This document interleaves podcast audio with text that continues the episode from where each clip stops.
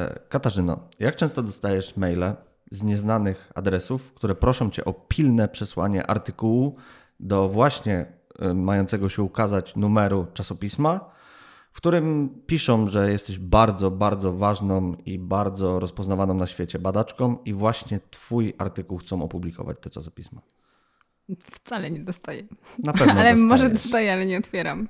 Ja- no Ja dostałem kilka razy. Na początku było mi bardzo miło, a potem sobie przeczytałem, że nie należy odpowiadać na te maile. Bo ale to, są- dziwne, bo to w naszym, w naszej działce, to jak pisze do ciebie czasopismo, to znaczy, które dysponuje bardzo cenną walutą w tym systemie, jaką jest możliwość publikacji, to powinniśmy odpisywać z Tak, radością. powinniśmy być bardzo szczęśliwi. No niestety tak nie jest, bo zaraz się dowiemy, że są czasopisma, które są drapieżne, które starają się nas oszukać. Ale ten odcinek, jak ktoś się miałby już teraz przestraszyć, nie będzie tylko o tym. Więc będzie trochę o drapieżnych czasopismach, a będzie trochę o bardzo dobrych czasopismach. Tak jest. Więc zaczynamy.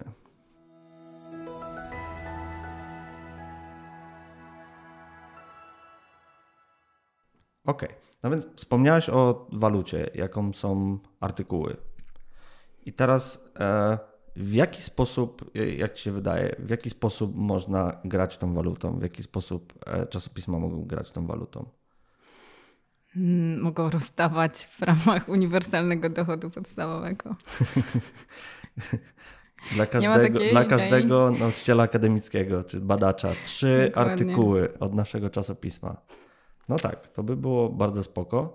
Pod To warunkiem, na osobny podcast. Tak, pod warunkiem, pod warunkiem, że wszystkie czasopisma byłyby ok.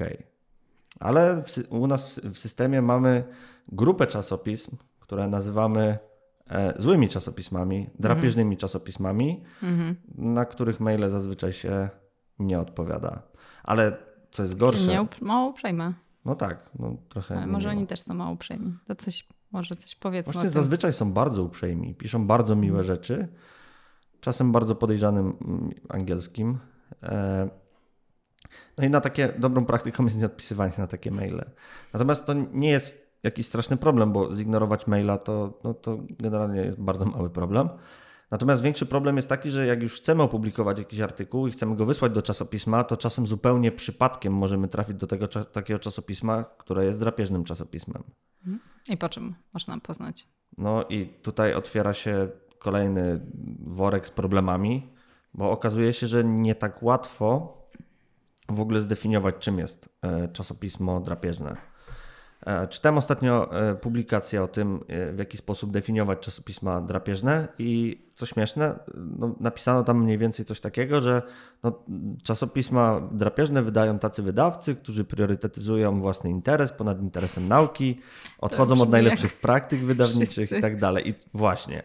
No i wydaje się, że to przypomina, no pamiętamy naszą, Definicję czasopisma naukowego. to przypomina naszą dyskusję o wielkich koncernach, które nie, to wydają takie żarty. czasopisma. Będziemy mówić o innych czasopismach też. Tak, ale no, możemy, możemy zaryzykować taką śmiałą tezę, że wielkie koncerny trochę priorytetyzują własny interes, no bo chcą jak najwięcej sprzedać tego dostępu do, do, do, do własnych treści. Mhm. Więc tak naprawdę z tą definicją jest wielki problem, ale ludzie zaczęli się nad tym zastanawiać i no, jest sporo publikacji, w których pokazuje, pokazuje się, jakie są oznaki tego, że czasopisma może być drapieżnym czasopismem.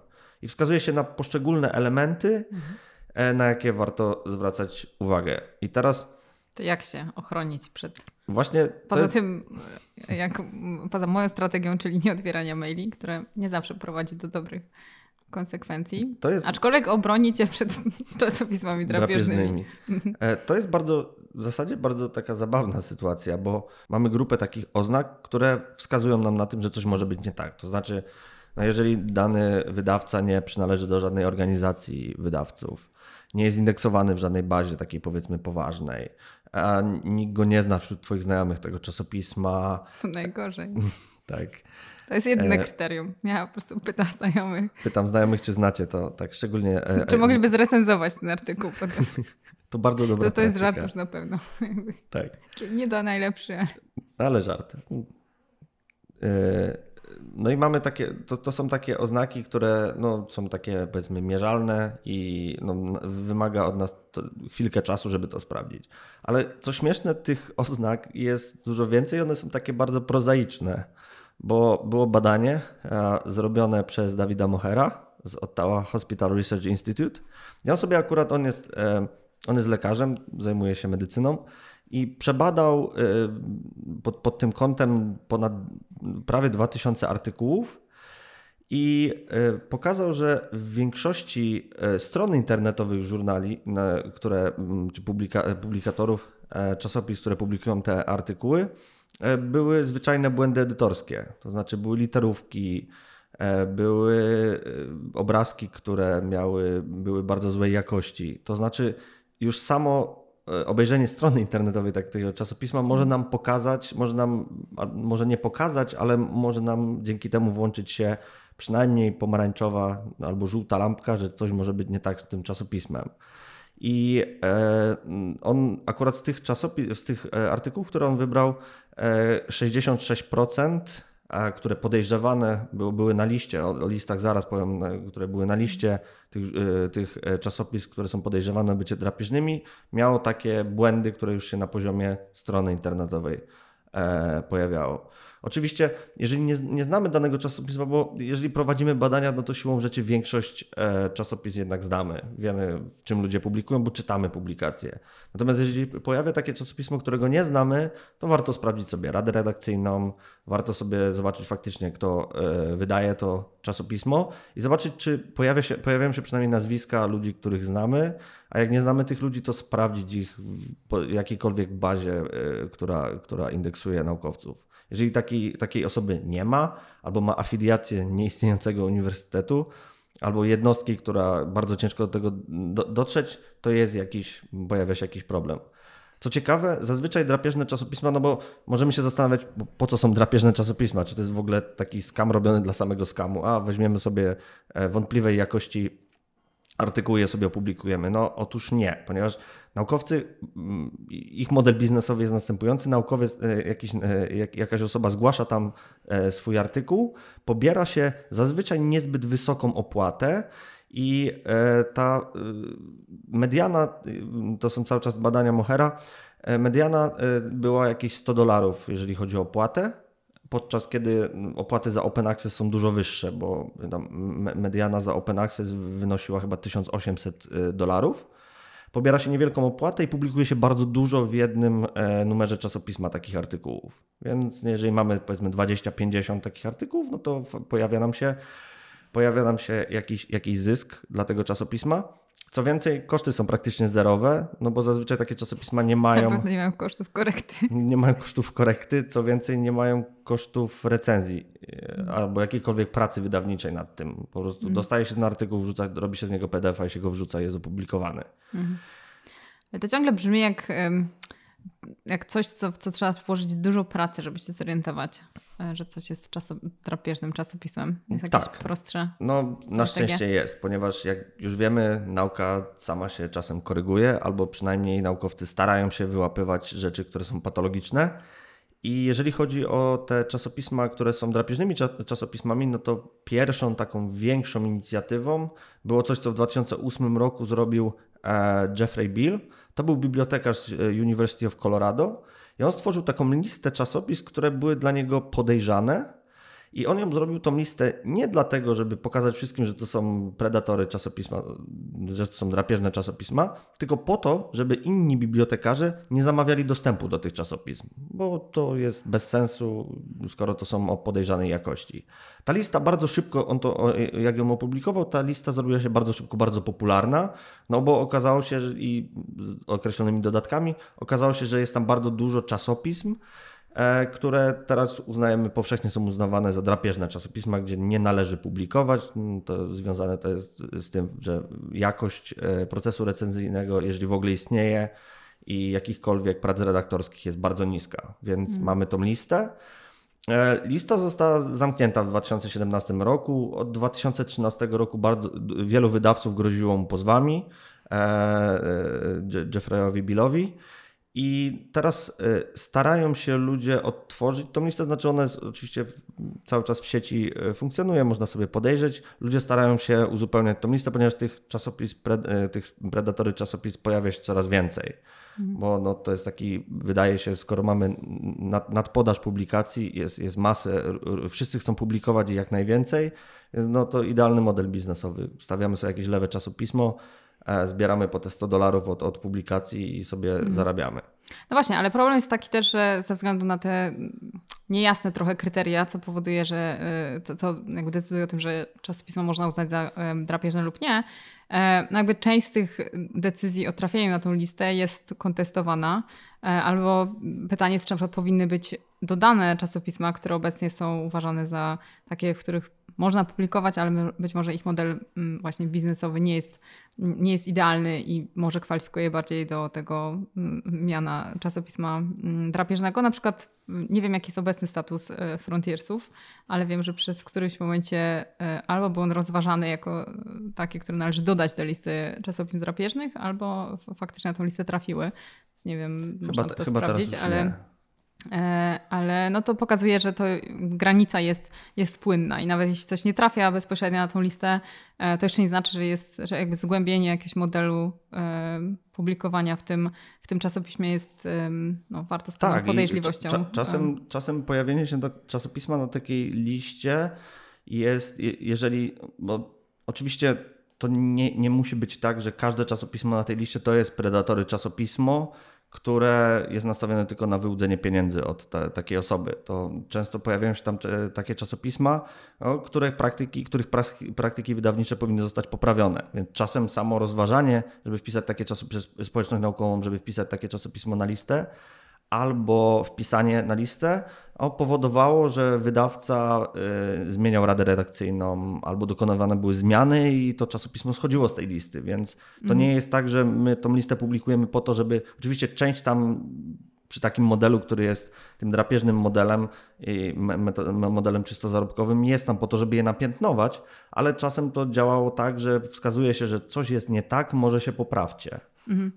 No i to jest właśnie też ważny element takiego uświadamiania wokół tych, jak się jest, nie wiem, być może szczególnie na początku kariery naukowej, nie mamy dobrych doradców bądź doradczyń, e, no to być może łatwiej jest nabrać się na takie, na takie czasopismo. I też w ramach zwiększania świadomości tego problemu czasopism drapieżnych i jakby modelu, w jakim oni funkcjonują, zrobiono kilka prowokacji. Tak, prowokacje są najfajniejsze. Znaczy są smutne według mnie, ale. Są, ale no, bardzo miło się o tym czyta. Na pewno. Dalej myślę, że smutno się o tym czyta, ale dobrze, to powiedzmy i mogą sobie słuchacze wybrać, czy chcą tak. być rozbawieni, czy zasmuceni. Mamy przynajmniej dwa takie przykłady, może powiesz mhm. o pierwszym. Mhm. Mm, więc jedną z takich prowokacji, jednym z współautorów tej prowokacji był nasz ostatni gość, Emanuel Kulczycki który razem z trójką innych e, autorów mm, stworzyli taki fikcyjny e, profil o znaczącym imieniu i nazwisku Anna O. Szust. Czytany szybko oszust. To się wytnie. Nie. Zostawiamy to. Ten fikcyjny profil e, oczywiście zawierał fikcyjne publikacje, ten mm, bo, mm, fałszywe CV, fałszywy też e, profil online e, i to, e, co autorzy zrobili, to wysłali ten e, zgłoszenie od takiej osoby e, do mm, rad redakcyjnych 360 czasopism, z których jedna trzecia znajdowała się właśnie na liście Billa, czyli tych czasopism drapieżnych, jedna trzecia to były czasopisma Open Access i jedna trzecia to były czasopisma z JCR. E, I sprawdzono w ilu przypadkach z tych 120, z każdej z tych trzech kategorii, redakcja właściwie zaakceptowała taką kandydaturę. Co oznacza, że prawdopodobnie w żaden sposób nie sprawdzono e, tej osoby, ponieważ ta osoba nie miała żadnych cytowań, nie była indeksowana w żadnych bazach, jej artykuły po prostu nie istniały. E, no i o ile w czasopismach z listy JCR zero czasopism zaakceptowało tą kandydatkę jako właściwą na do rady redakcyjnej, to w czasopismach z listy e, Billa 40 na 120, czyli 1 trzecia czasopism zaakceptowała. Tam były jakieś drobne potem korekty, część, mała część tych czasopism się wycofała, zmieniła de decyzję, no ale ogólnie było to o wiele więcej dla porównania w tej kategorii Open Access to było 8 na 120. No i co jakby jest kolejnym, jednym z kolejnych kryteriów, które można wskazać jako takie, które pokazują, że ten proces redakcyjny, proces recenzencki w tych e, czasopismach no, daleko odbiega od, od tego, jak to powinno wyglądać, jeśli nawet tak minimalne standardy, jak po prostu sprawdzanie kogoś przed dołączeniem go do rady redakcyjnej nie zostały spełnione. Mhm. E, dwa lata wcześniej, w 2013 roku, John Bohannon zrobił troszeczkę inną prowokację on zgłosił 304 e, artykuły, to znaczy 304 e, razy zgłosił artykuł, w którym e, no były, on randomizował, wydaje mi się, były fałszywe imiona i nazwiska w, w artykułach, były sfabrykowane dane i były, było to zgłaszane do czasopism, które pobierały opłatę za publikację.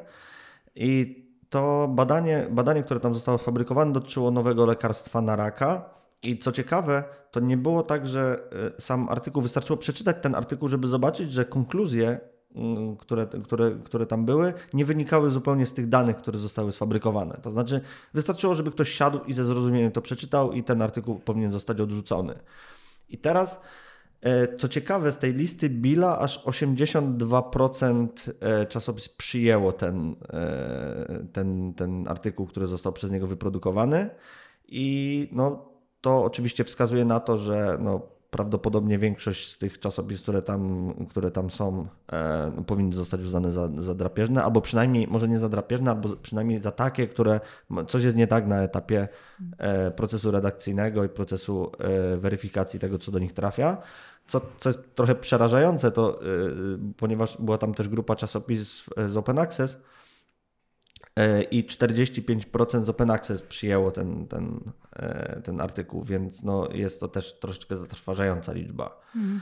I e, tu jeszcze tak komentując do, do, tego, do tego poprzedniego case'u z, tym, z tą radą redakcyjną, to jeżeli chodzi o te czasopisma z Open Access, to rok później, w 2016 roku, z tych ośmiu czasopism, które przyjęły, to znaczy ta lista została troszeczkę oczyszczona i, i zwrócono uwagę na to, że no faktycznie to jest nie okay praktyka, nie powinno tak się wydarzyć. No i coś powinno zostać zrobione. Część chyba z tych czasopism nawet została usunięta z tej listy, mhm. bo nie chcemy takich czasopism na liście, które mają tak, mhm. tak, taką praktykę wydawniczą albo w ogóle praktykę e, zarządzania czasopismem, która pozwala, żeby zupełnie nawet przez przeoczenie weszła tam osoba, która jest zupełnie osobą fikcyjną i weszła do rady redakcyjnej.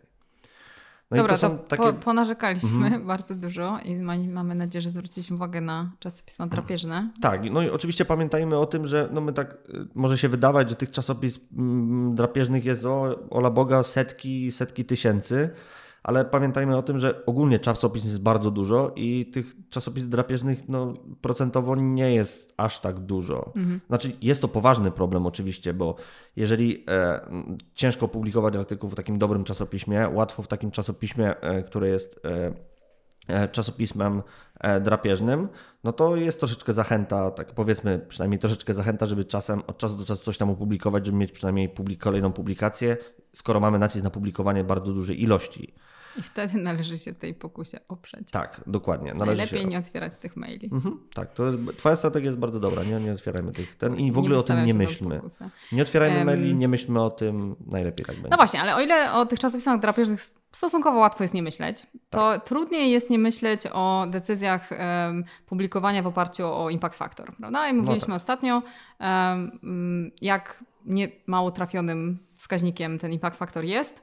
No i pytanie jest takie, czy mamy jakąś alternatywę? Jak tak naprawdę poznawać dobre czasopisma, do których powinniśmy, znaczy w oparciu o jakie kryteria powinniśmy, jakimi kryteriami powinniśmy się kierować, podejmując decyzję, gdzie chcemy wysłać nasz artykuł, pomijając jakby merytoryczną zgodność tego, czym się zajmujemy i tym, czym tak, się no zajmuje Oczywiście tak od strzała szukanie tego na różnych listach, na przykład no, na liście e, czasopism, które mają impact factor i czasopis w open accessie, no to nie jest zły pomysł. Mhm.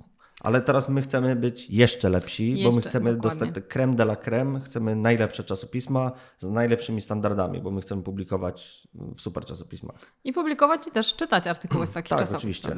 Więc No właśnie, więc kilka lat temu, może coś powiemy teraz o pozytywach Mhm. i o tym, do czego chcemy dążyć. Kilka lat temu zostało zaproponowana właśnie takie mm, kryteria, którymi powinniśmy po pierwsze kierować się oceniając czasopisma, być może również kierując się, podejmując decyzję o tym, gdzie chcemy wysłać nasz artykuł. Więc zestaw, zestaw tych kryteriów um, nazywa się Transparency and e, Openness Promotion Guidelines. E, opublikowano w 2015 roku i on, em, ten zestaw obejmuje kilka kryteriów, e, których spełnienie powoduje, że czasopismo em, zobowiązuje się do przestrzegania rygorystycznych e, standardów tego, co w nim się znajduje. I jeśli artykuł się znalazł w tym czasopiśmie, to znaczy musiał te standardy w określonym stopniu spełnić. Em, Czyli to jest na przykład odróżnia te, e, te top kryteria od impact factor, prawda? O którym mówiliśmy, że sam fakt, że jest wysoki impact factor czasopisma nie znaczy, że wszystkie artykuły, które są w tym czasopiśmie em, są na przykład wysoko cytowane. E, jeśli mamy czasopismo, które zobowiązuje się przestrzegać te em, kryteria e, top, top guidelines, to znaczy wszystkie artykuły, które się w tym czasopiśmie znajdują, muszą spełniać te kryteria. No i teraz jakie to są kryteria? E, One się bardzo y, silnie jakby wiążą z tym, o czym też w poprzednich wielu odcinkach wspominaliśmy, czyli na przykład e, powinno się zapewniać transparentność e, danych, czyli dane powinny być dostępne. Zaraz powiemy o kryteriach, jakby na, w jakim stopniu należy spełniać te, te kryteria, bo to też jest dosyć precyzyjnie określone. E, ale właśnie jedno z tych kryteriów dotyczy dostępu do danych, e, dostępu do kodu, mm, dostępu do mm, materiałów z badań dostępu do schematu badania i planu analiz. Czyli transparentność na każdym etapie. Tak. Prawda? E, mhm. Praktycznie. Tak. Kolejne kryteria dotyczą kwestii prerejestracji. Mówiliśmy, dlaczego to jest ważne. E, I te top guidelines również, jedno, jedno z tych kryteriów dotyczy właśnie prerejestrowania badania, prerejestrowania planu analiz. Ym, To takie dwa kryteria, które, o których pewnie też może będziemy mówić w którymś z kolejnych odcinków, e, które są ważne z perspektywy rzetelności nauki, a wcale nie są aż tak często, jakby o nich się nie, nie, nie pamięta albo nie docenia się ich aż tak bardzo. To jest kwestia cytowania mm, danych i cytowania na przykład oprogramowania, tak? Czyli jeśli korzystamy z cudzych danych albo z jakichś wcześniejszych właśnie programów statystycznych, to pamiętanie o tym, żeby cytować te, biorąc pod uwagę, że wiemy, że to też jest waluta, która jest ważna e, w nauce, więc pamiętanie o tym, o, o tym żeby te mm, mm, te wyniki pracy naukowej te, też cytować i doceniać jest też jednym z tych kryteriów. E, I kwestia replikacji. Mm, Replikacje wydawałoby się, że to jest coś, co jest, wszyscy rozpoznajemy, że jest ważne w nauce, że jednorazowe uzyskanie jakiegoś wyniku jeszcze nie świadczy, że ten wynik, tak jak mówiliśmy, możemy go uzyskać przez przypadek, więc powinniśmy replikować przeszłe badania, takie dokładne replikacje, nie tylko takie koncepcyjne repl- replikacje. No ale okazuje się, że to jest taka praca mało wdzięczna, bo Dlaczego jest mało wdzięczna? Czy też dlaczego jest postrzegana jako mało wdzięczna, mimo tego, że powinniśmy być wszyscy wdzięczni osobom, które robią replikacje? Um, ponieważ się wydaje jako taką wtórną pracą, że jakby to już nie jest coś, co wymagało wielkiej kreatywności. Kreatywne to było właśnie posiadanie tego pomysłu po raz pierwszy, a powtórzenie tego po raz drugi, trzeci, czwarty e, być może nie zasługuje na takie uznanie. Więc, ale jest to oczywiście niezmiernie ważne w procesie e, właśnie weryfikacji wiedzy, sprawdzania jak jak powtarzalny jest dany wynik, więc to jest bardzo ważna rzecz dlatego, żeby nauka była wiarygodna, a jednocześnie mało doceniana. Więc e, jednym z kryteriów e, właśnie tych top e, guidelines jest to, czy czasopismo akceptuje replikację e, jako osobny format artykułu na przykład. Mhm. Wydaje mi się, że powiedziałam o wszystkich. No tak, i mówiłaś o tym, że mm, te kryteria mogą być na różnym poziomie spełnione. No i mam wprowadzony, y, Top Guidelines wprowadziło tak naprawdę cztery poziomy. Zerowy poziom plus trzy poziomy, e, w jakim, na którym mo- mogą być te kryteria spełniane. Mamy poziom zerowy i albo się nic nie pojawia, żadna informacja, albo taka niewiążąca zachęta. No, miło by było, jakby, jakbyście byli transparentni e, i mówili, z jakich danych korzystacie, jak wygląda proces, no ale nic się nie dzieje, jak tak nie będzie. Na pierwszym poziomie czasopismo zaczyna wymagać informacji, e, wymagać, żeby autorzy ujawnili na przykład, czy dane są dostępne, w jaki sposób są dostępne i innych takich kwestii, czyli kwestia informowania. I to jest cały czas ten poziom zerowy pierwszy, to widzimy, że to są takie dosyć miękkie kryteria.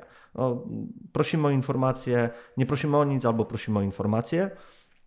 Natomiast na poziomie drugim czasopismo wymaga spełnienia tego kryterium.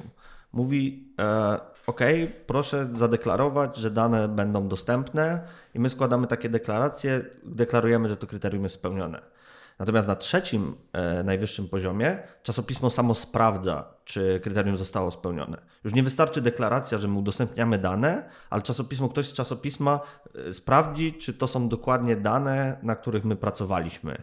I mhm. każde z tych kryteriów, które e, omawiałaś, jest ewaluowane e, na każdym z tych trzech poziomów. To mhm. znaczy może dotyczyć, może być spełniane, albo inaczej, może być spełniane E, na każdym z tych trzech poziomów, czyli na tym poziomie najwyższym, jeżeli chodzi o, o cały czas na przykład z danymi chyba będzie najbardziej taki, albo może być transparentność i mm, procedura do, do, dokonania badań, zostanie przez kogoś sprawdzone, czy faktycznie opisana procedura to jest tą procedurą, która miała zastosowanie w tym, w tym wypadku, co w połączeniu z udostępnianiem danych faktycznie sprawia, że ten proces staje się bardzo transparentny. Mhm. Więc mamy takie, takie poziomy. No i też tutaj warto zauważyć, że jakby spełnienie określonego poziomu wiąże się też z kosztami, prawda? Więc to jest też jedna z y, barier, która może powstrzymywać niektóre czasopisma przed na przykład wejściem od razu na ten trzeci poziom, bo to, co jest ważne, to to, że czasopismo nie musi się zobowiązać, że ono jest na trzecim poziomie na wszystkich kryteriach. Tak. Czyli mogę powiedzieć, że łatwo mi jest osiągnąć na przykład trzeci poziom, jeśli chodzi o e, nie wiem, sprawdzenie, czy, e, czy mm, autorzy udostępniają swoje dane, ale na przykład koszty związane z sprawdzeniem, czy przy użyciu ich kodu ja jestem w stanie zreprodukować ich wyniki, e, to są już o wiele większe koszty, wymagają nie wiem, zatrudnienia statystyka, wymagają odpowiedniej ilości mm, czasu na to, więc być może jako czasopismo w tym momencie nie stać nas na to, tak? Bardzo byśmy chcieli, sprzyjamy, więc na przykład wskakujemy tylko na poziom, e, nie wiem, pierwszy, e, na którym wymagamy tego, żeby e, autor udzielił informacji o tym, czy udostępnia kod lub nie, bądź może na drugim, gdzie zobowiązujemy autora tego, żeby to zrobił, ale nie mamy wystarczających zasobów, żeby sprawdzić, że on to faktycznie zrobił. Tak, no, więc to już jest jakby. Czasopismo może podjąć decyzję, na którym poziomie się, w zależności w poszczególnych kryteriach, na którym poziomie się znajduje w zależności również na przykład od zasobów. Tak, które i mam. fajne jest to, że na, na podstawie tego, ponieważ mamy jasne kryteria i yy, jak bardzo te kryteria mogą być spełnione, możemy tak naprawdę punktować to. Mhm. I możemy e, przypisywać ilości punktowe zgodnie z tymi top guidelines, możemy przypisywać wartości punktowe i możemy sobie zrobić po prostu bazę czasopism. Mhm. No właśnie, i to pokazuje, że punktoza nie zawsze nie jest równa punktozie, prawda? No w jakimś sensie tutaj też um, jest w ogóle strona, na którą można sobie wejść. Strona się nazywa Top Factor i w założeniu y, to powinien być taki faktor, który zastąpi impact factor. Czyli, że punktujemy, oceniamy te kryteria, które są ważne z perspektywy nauki, rzetelnej nauki, wiarygodności wyników badań, które są w takim czasopiśmie publikowane. I jeśli te kryteria są dobre, jeśli zgadzamy się, że takimi kryteriami powinniśmy się kierować, mm, no to punktowanie, wycenianie czasopism ze względu na spełnianie bądź niespełnianie tych kryteriów jest um, ok. Więc można sobie wejść na tą stronę Top Factor, e, gdzie po pierwsze można e, sprawdzić e, na przykład czasopisma w interesującej nas, dyscyplinie. Czyli powiedzmy, jeśli jestem psycholożką, mogę sprawdzić, jakie czasopisma psychologiczne się, w jakim stopniu spełniają określone kryteria. To, co jest ważne, to to, że oczywiście ta strona i ten ten ranking, nie wiem, czy to jest dobre właściwie podejście w tym kontekście, ale mm, nie, no oczywiście nie indeksuje wszystkich czasopism, to jest jakby niedawna inicjatywa, więc to jest cały czas e, w toku. można zgłaszać kolejne czasopisma do tego, e, można zobaczyć, czy czasopismo, które nas interesuje, już się znajduje na tej liście i na przykład które z tych kryteriów spełnia, Mm, ma to oczywiście bezpośrednie znaczenie dla tego, e, jakie kryteria mój artykuł musi spełnić, zanim mm, zostanie zaakceptowany w tym czasopiśmie. Więc to jest bardzo, mm, tam obecnie można uzyskać 29 e, punktów. Tak, jak sobie właśnie wszedłem, to Meta Psychology ma 27 na przykład. No. To bardzo propsujemy. Ale jest tam również czasopismo polskie, to znaczy publikujące anglojęzyczne um, teksty, ale to jest czasopismo, które dawniej było czasopismem o tytule Psychologia Społeczna. Od kilku lat to jest czasopismo Social Psychological Bulletin. Um, I e, po pierwsze na stronie tego czasopisma można zobaczyć, które kryteria um, na jakim poziomie są spełniane um, i w dużej mierze wynika to jakby mm, na przykład niższy poziom e, wymagany wynika z właśnie z tych kosztów, o których mówiłam wcześniej. Mm, ale tak naprawdę w tym, w tym rankingu jest to bardzo, bardzo wysoko, znajduje się to, to czasopismo, więc bardzo mu e, kibicujemy. To, co można by powiedzieć o, jak rozmawiałam z Michałem Parzuchowskim, który jest jednym z redaktorów tego czasopisma, e, to mówi, no, że z jednej strony oczywiście wiąże się to z pewnymi kosztami, kosztami czasu na przykład, żeby sprawdzać spełnianie tych kryteriów, ale tak naprawdę to wysyła też bardzo ważny sygnał do potencjalnych autorów, więc w jego perspektywie e, mówił, że na przykład jakość e, artykułów, e, które zostało, zostają obecnie zgłaszane, jest wyższa. Jakby po prostu część artykułów, które są słabsze, które nie spełniają tych kryteriów, nie wiem, nie są może aż tak dobrze zrobione, po prostu nie, nie jest nawet wysyłanych do tego czasopisma, więc w jakimś sensie to są koszty, ale są też zyski mm, związane z mm, jakby przyłączeniem się do tej inicjatywy e, i z mm, stosowaniem tych, tych kryteriów. Mm, jednym z tych kryteriów, o którym nie powiedziałam wcześniej, które jest ciekawym mm, też tak z psychologicznego punktu widzenia, to jest obecność, e, używanie przez czasopisma takich odznak. E, odznak za na przykład udostępnianie e, materiałów z badania, albo za udostępnianie danych, albo za prerejestrowanie e, badania w tym artykule. I to są takie odznaki, które możemy dołączyć może wizualny grafikę. grafikę do tego, które są po prostu znajdują się pod artykułem, czy tam obok abstraktu powiedzmy, więc od razu można zobaczyć, czy w tym artykule na przykład będę mieć dostęp do danych. Mhm. Oczywiście to nie wszystkie czasopisma to stosują, to jest też dosyć e, niedawna inicjatywa, ale coraz więcej czasopism e, właśnie zaczyna stosować takie odznaki. E, no i na początku były takie głosy, że to trochę takie przedszkolne. Dzielny pacjent. Dzielny pacjent, słoneczko za dobre, dobre sprawowanie. Za dobre chęci. właśnie. E, ale w jakimś sensie, znowu psychologicznie na to patrząc, to jest e, sygnał jakichś norm, zmieniających się norm. Sygnał tego, że coraz więcej osób, bo to faktycznie coraz więcej osób um, jakby używa czy aplikuje o te, e, o te odznaki. Um, oczywiście, jak w całym tutaj metanaukowym i open science'owym podejściu, ważne, żeby to zweryfikować, czy te wprowadzenie odznak ma jakikolwiek wpływ na przykład na podniesienie e, jakości publikowanych e, artykułów, albo czy to zmienia faktycznie praktyki autorów, e, autorek i takie badania trwają. Takie wstępne wyniki pokazują, że jest to obiecujący, obiecująca praktyka. Poza tym jest to bardzo niskokosztowa praktyka. No po prostu to jest tylko kwestia tego, czy ktoś aplikuje sprawdzenia, czy, czy on faktycznie udostępnia te, um, te dane. I, um, więc, więc jest to dosyć, dosyć ciekawy, ciekawa strategia wzbudzania odpowiednich um, tendencji. No tak, czyli jak, jak widzimy, od, bo to jest ruch, który jest ruchem oddolnym, top, top faktor, mhm. więc nau, po raz kolejny pokazuje, że no, sama może się, nauka może się troszeczkę sama regulować. To znaczy, może nie nauka, a raczej społeczność naukowa. Mhm. No bo dbamy o to i widzimy, że pojawia się coraz więcej czasopism, którym zależy na jakości tego, co, co, co jest prezentowane w tych czasopismach. No, to jest taka ciekawa dynamika oddolno-odgórna, w tym sensie, mhm. że grupa osób zatroskanych stanem nauki wprowadza, jakby proponuje taką inicjatywę, ale tak naprawdę ich celem jest wpłynięcie na system, tak żeby ten system znowu odgórnie przez rady redakcyjne, przez e, polityki w czasopismach wpływał na indywidualnych badaczy, badaczki, tak żeby oni chcąc się dostać do, chcąc zostać opublikowanym w takim czasopiśmie, po prostu musieli zachowywać się zgodnie z tymi pożądanymi e, praktykami. Więc to jest dosyć, dosyć ciekawe. Czyli opowiedzieliśmy sobie dzisiaj o tych złych czasopismach, których nie jest aż tak dużo, mm. ale opowiedzieliśmy sobie o tych świetnych czasopismach, których też jest coraz jest, więcej. Też nie jest aż tak dużo, coraz, ale jest coraz, coraz więcej. więcej. Tak. Um, no i mamy całą tą masę tych czasopism, która jest taka, taka sobie. No właśnie, znaczy może... Z całym szacunkiem -hmm. oczywiście. Znowu, można powiedzieć, można zgodnie z zasadą piętnujemy zachowania, a nie czasopisma. Mhm. E, można by zwrócić uwagę, czy bardziej przypomnieć o takich ten, zachowaniach, o których mówiliśmy już wcześniej, które um, jeśli czasopisma się będą zmieniały pod względem tych zachowań, to byłoby o wiele lepiej. No i jednym z takich um, zachowań to jest korygowanie błędów.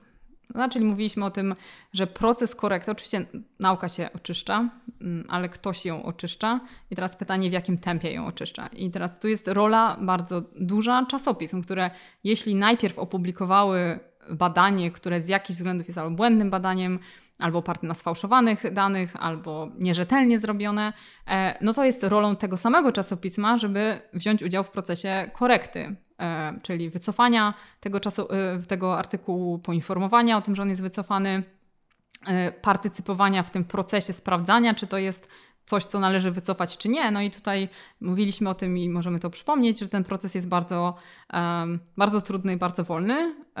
Można by jeszcze takim E, może jednym aspekcie tego problemu powiedzieć właśnie, kto powinien e, publikować replikacje badań. No bo możemy sobie wyobrazić, że jest jakieś przełomowe badanie, które w związku z tym, że jest bardzo przełomowe, e, publikuje się na przykład w Science. Wszyscy czytają to badanie, wszyscy cytują, setki cytowań, wspaniale. I teraz dwa lata później ktoś robi replikację tego badania. I nie udaje mu się zreplikować wyników tego badania. Ktoś robi być może drugą replikację, nadal się nie udaje zreplikować. Trzecia replikacja, dalej nic. I teraz pytanie, po czyjej stronie jest odpowiedzialność za opublikowanie wyników tych nieudanych replikacji? Bo praktyka pokazuje, że te nieudane replikacje, nieudane w cudzysłowie, prawda, bo to jest jakby dystansujemy się od oceny replikacji, które nie są istotne statystycznie jako nieudanych, mhm. coś nam mówią, mm, ale praktyka, tak jak mówię, pokazuje, że one bardzo rzadko trafiają do czasopisma Science.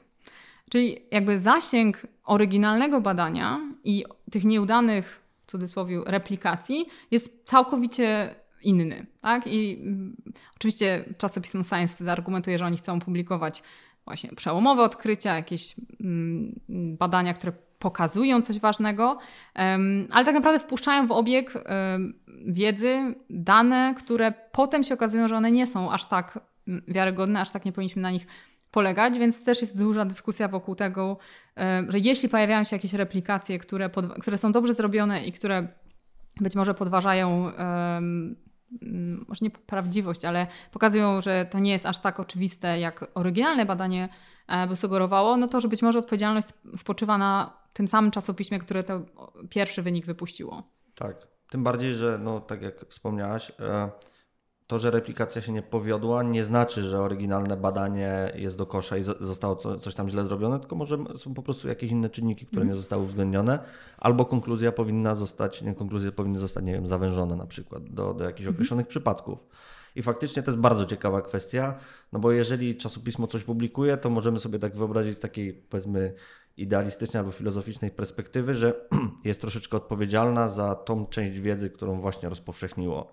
I może jeżeli sobie przyjmiemy taką interpretację, to faktycznie, ten, jeżeli nie pojawiają się nieudane replikacje, które są zrobione dobrze, to to czasopismo powinno wziąć odpowiedzialność za to i poinformować, a informuje poprzez opublikowanie tego e, na, na, na, na łamach swojego mm. jakiegoś numeru swojego czasopisma, e, wziąć odpowiedzialność, opublikować to i pokazać, że no, może powinniśmy inaczej to interpretować. No tak się mhm. robi naukę przynajmniej. Mhm. Tak, tak się wydaje, że tak powinno się robić naukę. O tak.